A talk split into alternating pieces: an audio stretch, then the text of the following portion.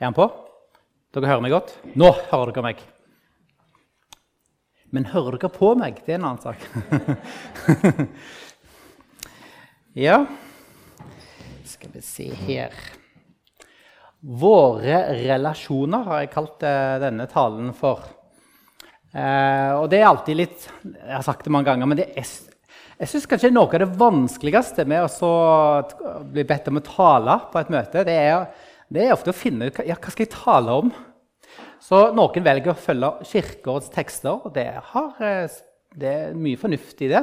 For da får du en gjennom, en viss spredning. Men nå har ikke vi tradisjon for å være så strenge på det. Så forrige søndag var jeg veldig spent på hva jeg skal tale om i dag. Så jeg ante ikke. Men så har det landa på dette temaet her. Våre relasjoner. Tatt fra romerbrevet. Eh, Luther han sa at romerbrevet hva han kalte det for? Dette brevet er det er Det nye testamentets viktigste skrift og det aller reneste evangelium. Høres ikke det fint ut? Og eh, Jeg har kalt det for våre relasjoner. Det vil dere kanskje skjønne etter hvert. Eh, en liten bønn, selv om Miriam har bedt så godt. selvfølgelig har jeg lyst til å be litt, jeg òg. Gode Gud, takk for, takk for evangeliet. Takk for din godhet mot oss. Takk at vi får lov til å samles her i dag. Og Herre, åpne hjertene våre, åpne sinnet vårt. La oss få se, Herre, hva du har for oss. Amen. Det er alltid litt skummelt å hoppe altså dere ser på tekst, Det står på liten tekst der, så der står det Romerne 12. Og det er alltid litt sånn skummelt liksom, bare hoppe rett inn i slutten av et eh, brev. Pleier dere å gjøre det? Er det noen som får brev i dag, forresten? En sånn e-post. Vi scroller bare ned og begynner å lese midt inni. Det er litt dumt. Eh, litt annerledes enn når jeg leser aviser. Da pleier jeg ofte å lese fra, bak, fra baksida. Så den vei. Det er noen som gjør det? Ja. jeg vet ikke hvorfor jeg gjør det, for jeg er ikke sportsinteressert. Det pleier ofte å komme litt bak. Men sånn tegneserien kommer litt tidlig, kanskje. Men når det gjelder et brev, så burde vi jo egentlig lest hele brevet. Men jeg tenkte det hadde vi ikke tid til i dag. Men um, fordi at det, uh, det, er en veldig logisk oppbygning i romerbrevet. Så det ene følger det andre. Og det ser vi allerede når vi kommer til kapittel 12. Så begynner Paulus med dette ordet. Derfor formaner jeg dere ved Guds barmhjertighet, søsken. Og eh, det høres veldig fint ut, Jeg har sagt det før, og det høres veldig fint ut på engelsk. If, uh, if there is a um, Hva var det nå? Hva sa du? Therefore You must find out what it is there for. Altså Hvis det er et 'derfor', så må du lure på hvorfor det er der. Det høres ikke så veldig bra ut på norsk. da. Men det er en grunn til at det står 'derfor'. Og hvor, hva, Hvorfor skriver Paulus 'derfor' der? Jo, Romerbrevet har altså fra kapittel 1 og helt fram til og med kapittel 11 så langt har altså vist oss evangeliet. Først begynner Paulus med vanlige brevhilsener. Så viser han at det er ingen forskjell. Vi alle mennesker er skyldige for Gud. Jøder, grekere, folk på Hodneland, folk på Leirvik, Sagvåg. Vi er alle skyldige for Gud, uansett hvem du måtte være. Og så kommer han da med evangeliet og legger det ut. Begynner i kapittel 3. For alle har syndet og mangler Guds herlighet. Men så kommer ordet 'men', og det er også et sånt fint ord i Bibelen. Og så får vi høre evangeliet. At det hva Gud i Kristus har gjort. Han har forløst oss, han har rettferdiggjort oss osv. Så, så er det sånn da at Jeg vet ikke hvor interessert du er i det, men jeg synes det er veldig viktig å tenke litt på hvorfor skriver Paulus brev til romerne. egentlig? Hva agenda har han? Og Teologene har mange forklaringer på dette.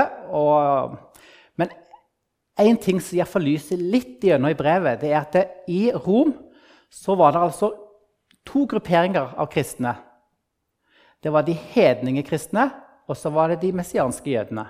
De som hadde jøder som hadde tatt imot Jesus som frelser. Så kan det virke som det var litt sånn gnisninger mellom de. Så litt sånn uenigheter. Og Derfor så skriver Paulus bl.a. dette brevet da, for å vise at det, det, vi står alle likt når det gjelder evangeliet. Alle har synda, uansett hvem vi er. Her er det ikke jøde eller greker. Vi står alle på samme fot. Vi hører alle til Guds familie. Og vi må ikke tro at vi er bedre enn noen av de andre. Vi som er hedenkristne, vi er pga. evangeliet blitt poda inn på treet, som Paulus bruker tidligere. Så alle er rettferdiggjort bare pga. nåde, uansett hvem du er. Derfor kommer da dette her derfor. Derfor formaner jeg dere ved Guds barmhjertighetssøsken. Bær kroppen fram som et levende og hellig offer til glede for Gud. Det skal være deres åndelige gudstjeneste.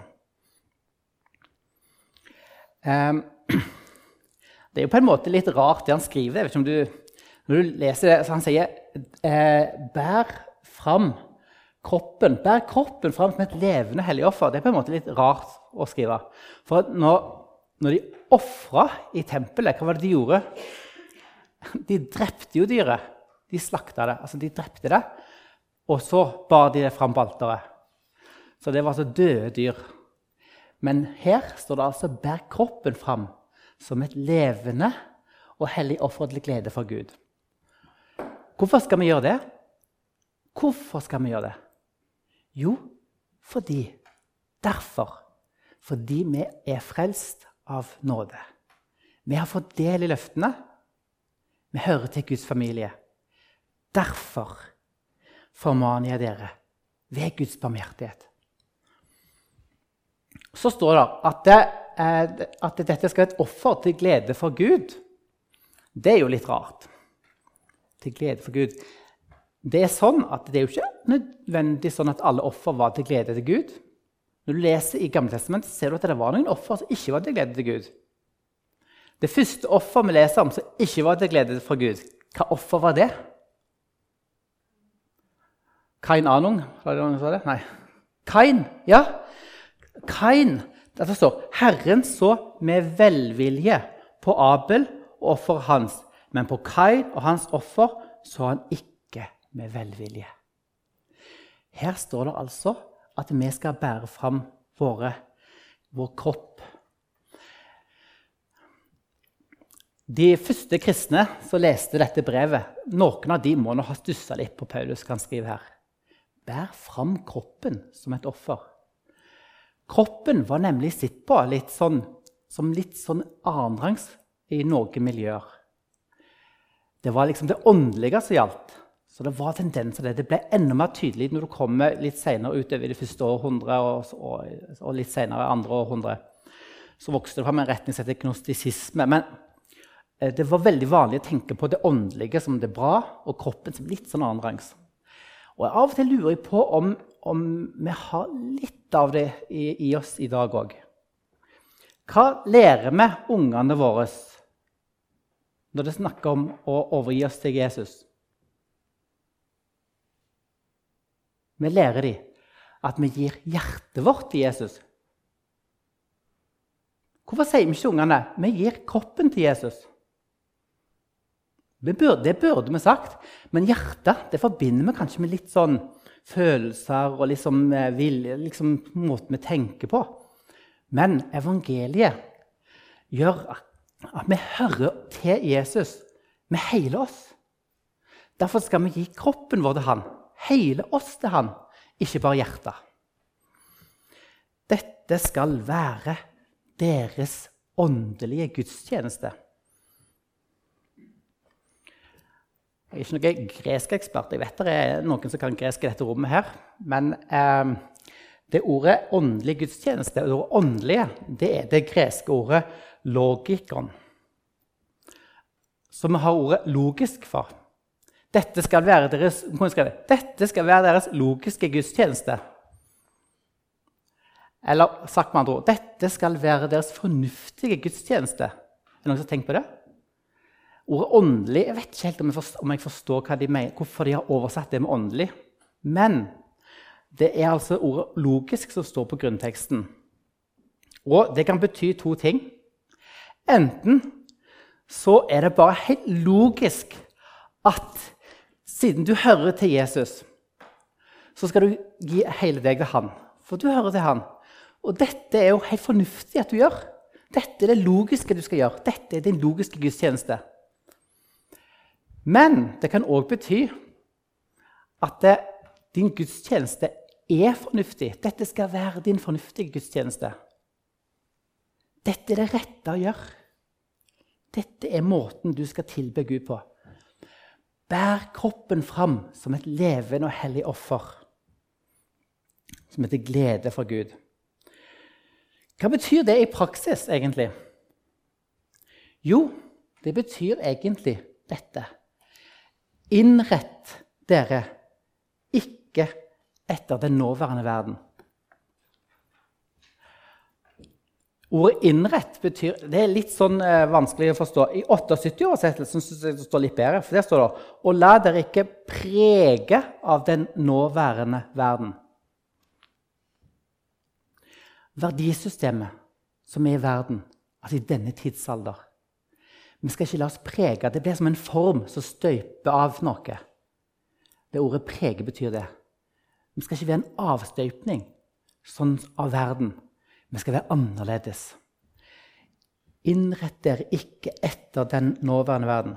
Men hva skal vi gjøre? Jo, å la dere ikke lenger prege av den nåværende verden.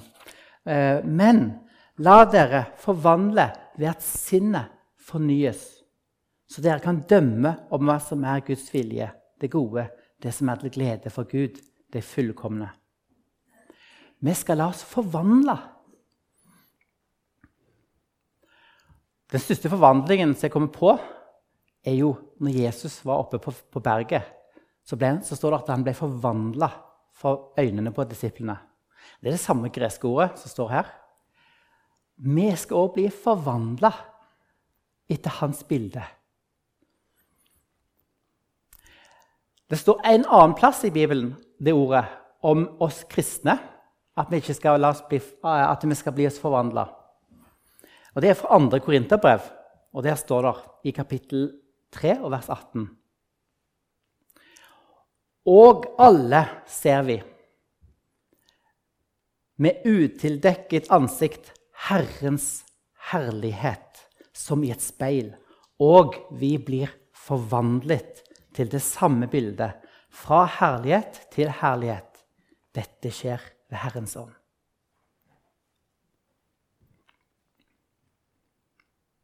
Det som er stort i verden, det er å være, ha mye penger, kanskje. God bil.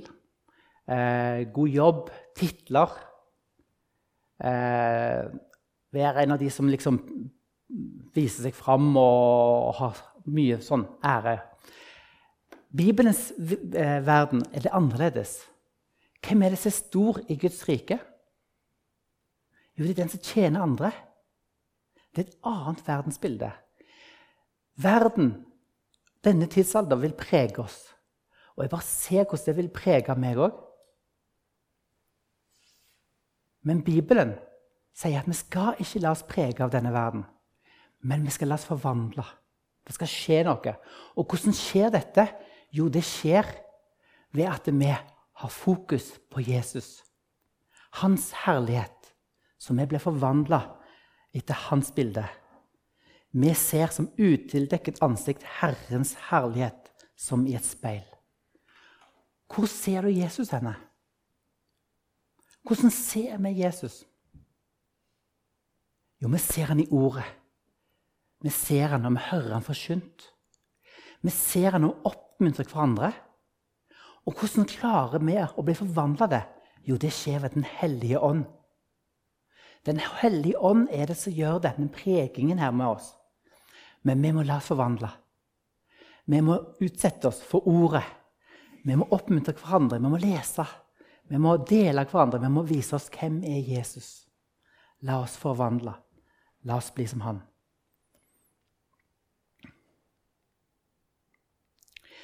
Ved den nåde jeg har fått, sier jeg til hver enkelt av dere. Tenk ikke for store tanker om deg selv men tenk sindig. Det første vi har lest om, handler om vår relasjon til Gud. Vi er Guds barn. Vi hører Han til. Derfor skal vi bære oss fram som levende offer for Han. Men så kommer Paulus inn på vår relasjon til oss sjøl. Ved den nåde jeg har fått, sier jeg til hver enkelt av dere, tenk ikke for store tanker om deg selv, men tenk sindig.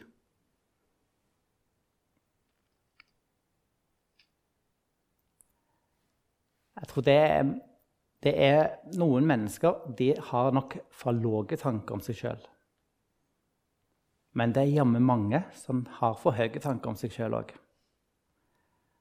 Og det er jo ulike områder av livet som vi kan ha, tenke ulikt om oss sjøl. Men eh, vi mennesker er litt sånn at vi, vi, vil, vi, vil, at andre skal tenke godt om oss. Vi vil at, det, at folk skal se, se, på oss som eh, gode, liksom, som ærverdige mennesker. Men vi må tenke rett om oss sjøl. Tenk ikke for store tanker om deg selv, men vær sindig. Paulus begynner denne her, eh, formaningen her litt annerledes enn han begynte i begynnelsen av eh, kapittelet. For nå sier han 'ved den nåde jeg har fått'. Og Hvis du leser brevene, så skjønner du at det, at det han sikter, er trolig hans apostelembete. Han formaner på bakgrunn apostelen opp, eh, formaner oss her, altså. Tenk ikke for store tanker. Det beste eksempelet vi har på en som som levde til dette, er jo Jesus. En dag så var det middag, men de hadde glemt én ting. Og det var å vaske føttene til hverandre. I kapittel 13 i Johannes så står det om denne historien. Da tenkte nok noen at jeg kan ikke vaske de andre sine føtter, for jeg er, jeg er jo ikke en tjener. Han tenkte for høyt om seg sjøl. Men så kommer det en og tar på seg håndkleet, bøyer seg ned og vasker føttene. Det er Jesus. Han som ved sitt ord skapte verden. Han som er verdens frelser. Han bøyde seg ned og vaskte disiplens føtter. Han var ikke for god for å gjøre det. Han var akkurat det han var. Han var så god at han bøyde seg ned. For han er det sanne bildet. Han er det vi skal få bli forvandla til. Tjenersinnet ser vi i Han. Vær, tenk ikke for store tanker om deg selv, men, men, tenk sindig. Det er ikke bare det at han vasket disiplens føtter. Men universets herre valgte for deg og meg å gå veien til korset og dø. Og Det høres veldig fint ut å bare si det i dag, og noen av dere har sikkert kors på halsen. med sånn, sånn smykke. Men alvorlig talt det var en stor skam å bli hengt på et kors. De spytta på Jesus, de slo han i ansiktet. De kledde av han, de hang han opp naken til spott og spe. Der hang han for oss. Tenk ikke for høye tanker om deg selv. Tenk hva Jesus tenkte. Han gjorde det for oss. Hver og en skal holde seg til det, det mål av tro som Gud har gitt ham. Her er det litt sånn, to måter å tolke dette med mål av tro. Er det sånn at eh, noen av oss har fått mer tro, så ditt mål er litt større enn mitt? Muligens. Men det er òg en annen rimelig og det er at det, når vi tenker om oss sjøl, så skal vi bruke troen som mål. Så du skal måle deg ikke etter verdens verdier, men etter den, den, de verdiene som følger av evangeliet. Og Det er flere oversettelser som bruker den tolkningen der.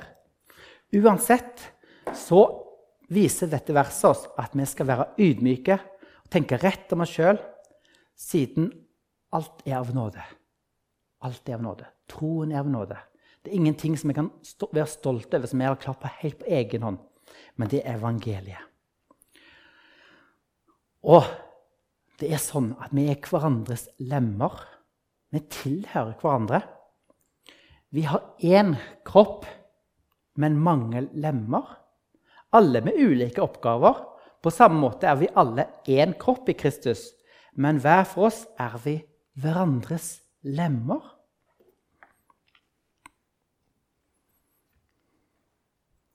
Vi preges veldig i dag av individualisme, særlig her, her, oppe på toppen her i Norge. Vi tenker at det, det handler om oss. Vi er selvstendige mennesker som skal bestemme sjøl. Ingen må fortelle oss hva vi skal gjøre, er det noen som sier. Men evangeliet sier noe annet. Evangeliet sier vi hører hverandre til. Du hører ikke lenger til deg sjøl. Du er et individ, og du må stå rettferdig for Gud. Du kan ikke gjøre at andre skal gjøre det for deg. Men som en troende så hører du til Guds rike. Og du hører til en lokal forsamling. Det er ikke sånn at vi bare er autonome mennesker lenger. Vi hører hverandre til. Men hver for oss er vi hverandres lemmer. Så skriver Paulus om nådegavene. Og Her har jeg ikke tid til å gå så veldig detaljert inn på det, men her står det Vi har forskjellige nådegaver, alt etter den nåde Gud har gitt oss. Den som har profetisk gave, skal bruke den slik som troen tilsier. Den som har diakonitjeneste, skal ta seg av sin tjeneste. Den som er lærer, skal ta seg av læren. Og den som rettleder, skal ta seg av dette. Den som gir av det han eier, skal gjøre det med et udelt hjerte. Den som er forstander, skal være det med iver. Og den som gjør barmhjertighet, skal gjøre det med glede. Og den som sitter i valgnemnda, skal gjøre det med glede. Den som er valgt inn i styret på Hornland bedehus, skal gjøre det med glede. Den som taler, skal gjøre det med glede og ta seg av læren. Nådegavene kunne jo holdt lange bibelserier om dette, men la meg bare si kort at nådegavene er gitt til hver enkelt av oss til oppbygning for hverandre i fellesskapet. Og der er det litt rart, syns jeg. Eh, det, nå har vi hatt en pandemi. Nå håper jeg at det gir seg nå, da. Det er mye som tyder på det, heldigvis. Så vi er samla her. Vi hadde møte forrige søndag, og vi er veldig glad for å møtes. Men jeg tror dessverre at noen kristne har fått litt dårlige vaner i pandemien. For nå kan de ha, ha på øra på podkast eller noe sånt. De kan gå på fjellet, og så kan de høre ta, søndagens tale på fjellet. Og så uh, kan de gå en tur, eller de kan dra på hytten, eller et eller annet sånt. Og mange er nok blitt litt vante med det. Men det er ikke bibelsk å prioritere på den måten. For hvis du er på hytten eller på fjellet, hvem er det da som bidrar med din nådegave til oppbygging for oss? For vi trenger hverandre. Vi virkelig trenger hverandre. Så nå er jo, Dere er jo her, så det er ikke dere jeg taler til. Det er dere som hører på podkast. Men det går ikke an Altså, Det er noen som ikke er her i dag fordi de ikke kan. For dette er omstendigheter som gjør at, det, at livet er sånn. Det blir sånn. Det, er mange gode grunner til at folk ikke kan komme på et møte. eller så. Det er tider i livet der ting er tøft. Dette vet vi. Men vi vet òg at det er dessverre mange som har blitt litt lunkne, og som ikke oppsøker et fellesskap lenger. Kanskje de syns det er litt traust og kjedelig på bedehuset. eller Jeg vet ikke hva det er. Men hør, vi er Guds folk. Vi er samla her for å tilbe Herren. Vi er her ikke bare for at jeg skal liksom høre en tale og noe god sang. eller hva. Nei, vi er her for å tilbe Han. Det er det som er fokus. Jeg forkynner evangeliet for dere fordi at jeg har en tro på at det er til ære til Gud. Dette er tilbedelse vi holder på med nå. Noen tenker tilbedelse det er hvis du står sånn. Nå er det jo tilbedelse. Hendene oppe. Nei. Det, jo, det er tilbedelse. Men det er tilbedelse å forkynne evangeliet. Det er tilbedelse å, å, å fortelle hva vi tror på. Det er tilbedelse hele greia. Å gå til nattverd. Det er tilbedelse å høre ordet. Vi trenger hverandre. Miriam innleda i dag med de forfulgte. Da så dere på disse kartene her og så hvordan det var. Og Da var det liksom eh, oppe i Europa sånn, der var det ingen ferge. Så dere det? Så da er det liksom det de andre som blir forfulgt, er det veldig lett å tenke på. Og så er spørsmålet, De som blir forfulgt, hvordan holder de ut? Og jeg tror at det, hvis vi skal holde ut i forfølgelse, så er det avgjørende at vi har hverandre å støtte oss til. Hvordan ville du reagert hvis du ble forfulgt? Er det en realitet som kan skje oss i dag? Har dere hørt om Paivi Rasanen? Paivi Rasanen er en finsk eh, hun, var, hun, var, sånn statsråd, men nå sitter hun i, i Stortinget. der, skal de kalle det for i Finland. Hun er i disse dager i vårt naboland er det altså en rettssak mot henne der hun risikerer fengsel i Finland. Hvorfor det? For hun har tvitra bibelvers fra dette brevet. That's it. Hun har tvitra noen vers og så har vært med på oppdrag for biskopen og skrevet en, et sånn lite hefte om etiske ting. Som tradisjonelt har vært synet til Kirken i alle år. Ikke nå lenger. Dette står hun nå i nabolandet vårt anklaga for og risikerer fengsel i Finland. Hvem hadde trodd det? I Finland. Hva med oss? Vil vi slippe fri? Det har vi ingen garanti for. Hvordan ville du reagert hvis du risikerte å miste jobben fordi at du var tro mot evangeliet? Ville du klart det? Den tanken har jeg stilt meg sjøl mange ganger. Og jeg håper virkelig at svaret er ja, men det er en usikkerhet. Er det noen som kjenner seg igjen? Ville jeg stått imot, eller ville jeg bare gitt meg over? Vi trenger å bli grunnfesta her i ordet. Vi trenger hverandre for at vi skal klare å stå i de tingene som måtte stå på i livet. Vi klarer ikke å være kristne alene. Det er umulig. Hvordan tenker vi nå om de som fører rettssak imot Paivi Rasanen? Fienden. Fiendene våre. Hvordan skal vi tenke om de? Paulus går fra relasjonen vår til hverandre nå over til vår relasjon til våre fiender. Og legg merke til at i brevet så er det en veldig logisk oppbygning her òg. Først er det altså evangeliet. Så er det vårt forhold til Gud. Det er avgjørende. Vi klarer ikke, Dette er helt meningsløst å snakke om uten vår relasjon til Gud. Så går han til vår relasjon til hverandre.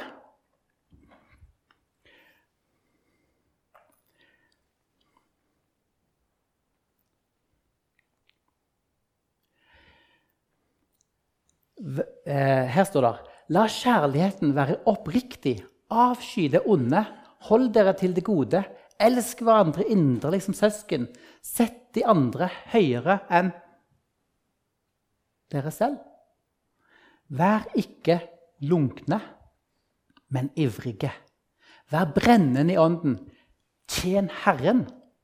Vær glad i håpet, tålmodig i motgangen, utholdende i bønnen. Vær med og hjelp de hellige som lider nød, og legg vind på gjestfrihet.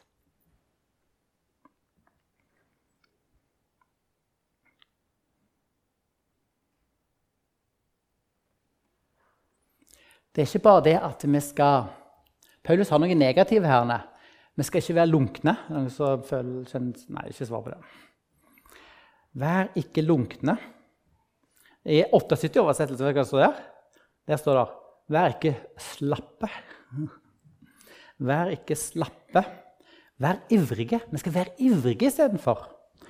Ivrige. Vi skal være brennende i ånden, og vi skal tjene Herren. Vi skal være glade i håpet, tålmodige i trengselen, utholdende i bønn. Og dette, og dette er altså avgjørende i et fellesskap. Sett deg ikke høyere enn de andre. Tjen hverandre. Det gjelder de du er uenige med òg. Det gjelder alle. Hva da med fienden? Velsign den som forfølger dere.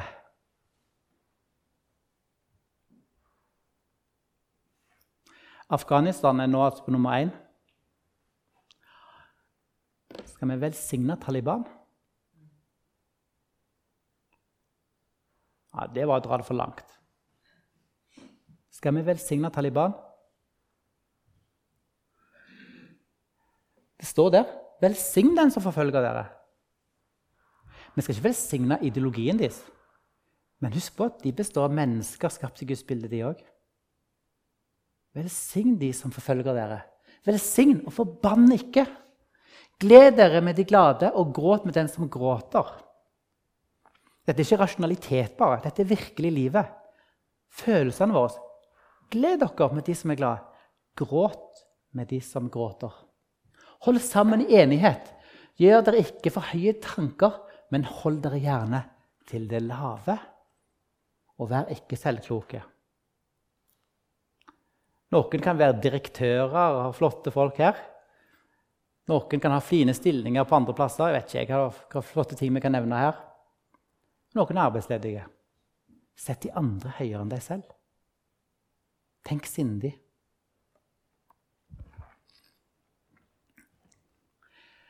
Gjengjeld ikke ondt med ondt. Ha tanke for den som er, er, ha tanke for det som er godt for alle mennesker. Hold fred med alle om det er mulig, så langt det står til dere. Det er situasjoner der det ikke er mulig å holde fred med noen. Men så langt det står til oss, hold fred med alle.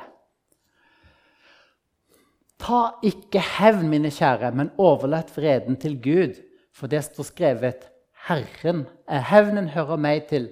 Jeg skal gjengjelde, sier Herren. Men så står det noe rart. Er din fiende sulten, så gi ham mat. Er han tørst, så gi ham drikke.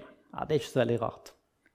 Gjør du det, så samler du glødende kull på hans hode. Det er litt rart. La ikke det onde overvinne deg, men overvinne det onde med det gode. Det uttrykket med glødende kull det betyr noe sånn som at det, vi skal ikke lønne ondt med godt. Eller vi skal lønne ondt med godt, og på den måten skal vi klare å vekke samvittigheten til den som vi behandler godt. Eh, ordspråkene 25-22 er det muligens en henvisning til.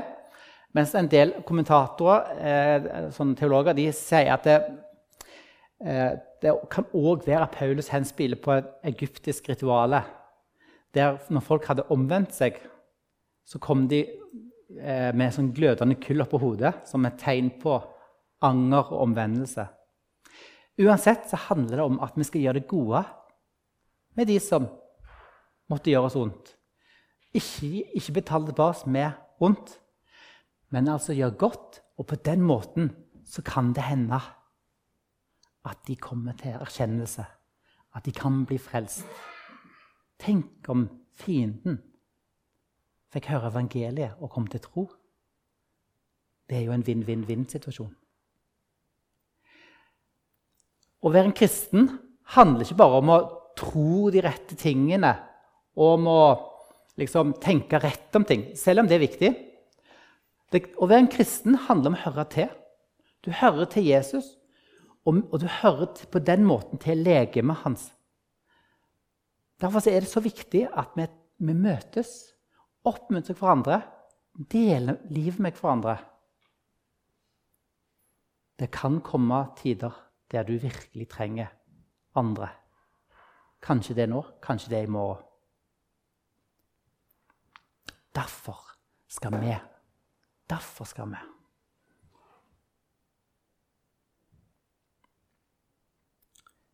Kjære gode Gud, jeg har lyst til å takke deg for evangeliet igjen.